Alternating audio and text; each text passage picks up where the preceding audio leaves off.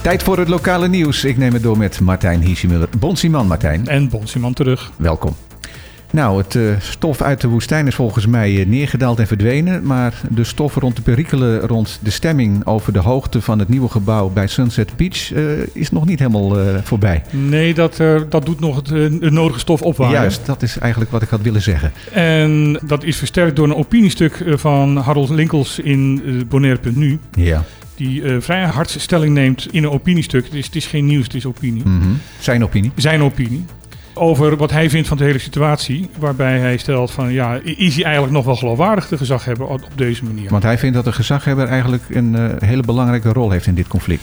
Hij vindt dat de gezaghebber een belangrijke rol in in het conflict heeft. En dat eh, de gezaghebber ook nog eens een keer met eh, twee stemmen spreekt. Omdat de dingen die hij zegt, bijvoorbeeld eh, we prostitueren dit eiland. Wat eigenlijk een bijzonder eh, politieke uitspraak is. Wat de gezaghebber in de Nederlandse krant heeft gedaan. Daar waar het gaat om eh, onbeperkt aantal toeristen hierheen Ja. te halen.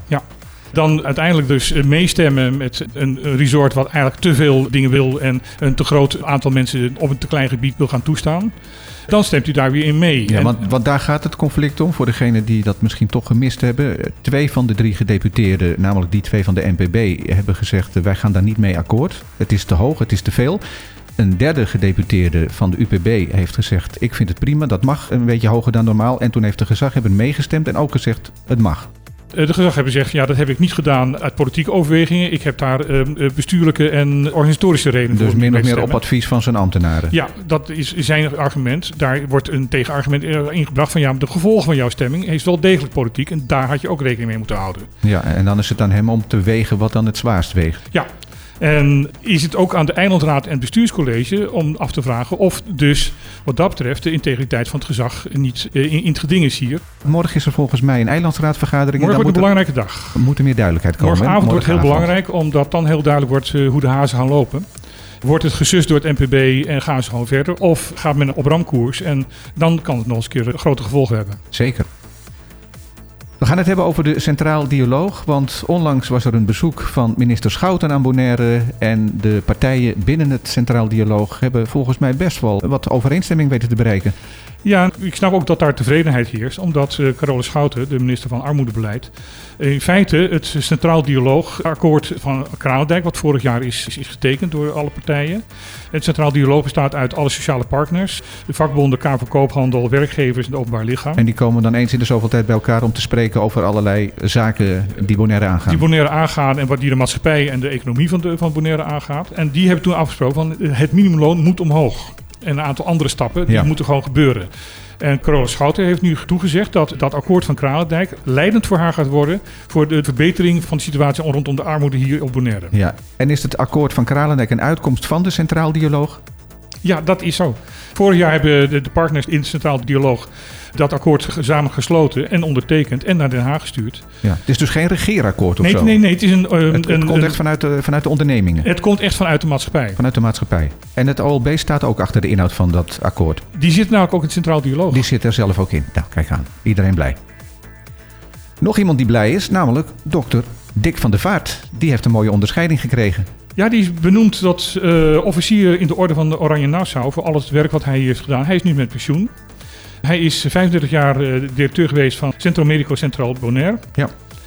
En heeft onder andere als duikarts, want hij was een van de artsen die eh, gespecialiseerd was in eh, problemen met, met duiken, heeft hij de decompressiekamer hier geïnstalleerd, de tank.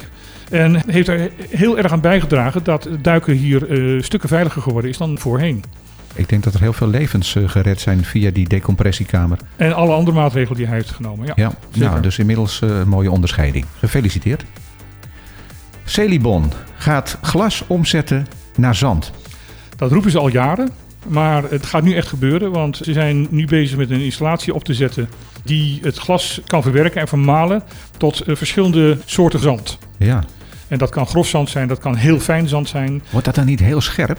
Nee, dat is juist de bedoeling. Bij- Als je dat gewoon in een steenmaler gaat doen, dan wordt het inderdaad scherp en dan komt er allemaal heel gevaarlijk stof. kwe- eh, Ja. Maar dit is een installatie die er zorgt dat dat dus niet scherp wordt. Nou, dat is dan wel een hele mooie ontwikkeling. En, eh, En dan dat- kan het gewoon gebruikt worden voor wegenbouw. En, eh, Eh, voor bouwactiviteiten, er kan cement van gemaakt worden. eh, want eh, dat heb je, voor beton heb je ook zand nodig.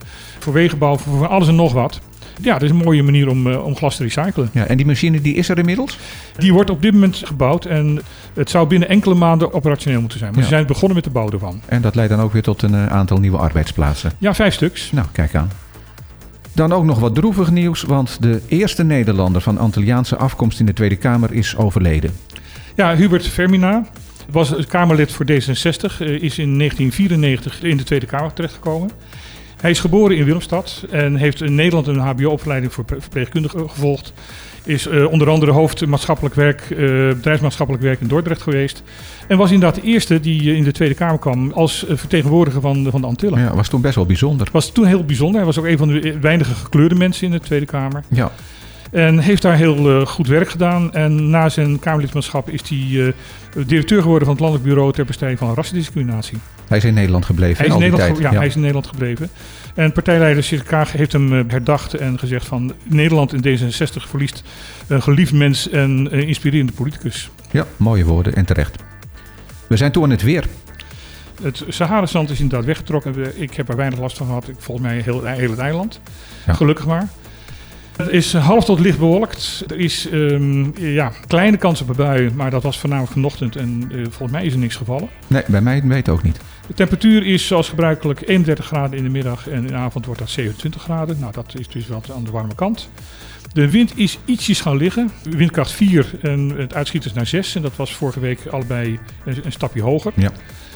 Het zal de komende dagen waarschijnlijk droog blijven in onze regio. Wel wat be- bewolking en in de ochtenduren iedere keer een, eh, een kleine kans op een bui. Oké, dankjewel Martijn. Tot morgen. Tot morgen.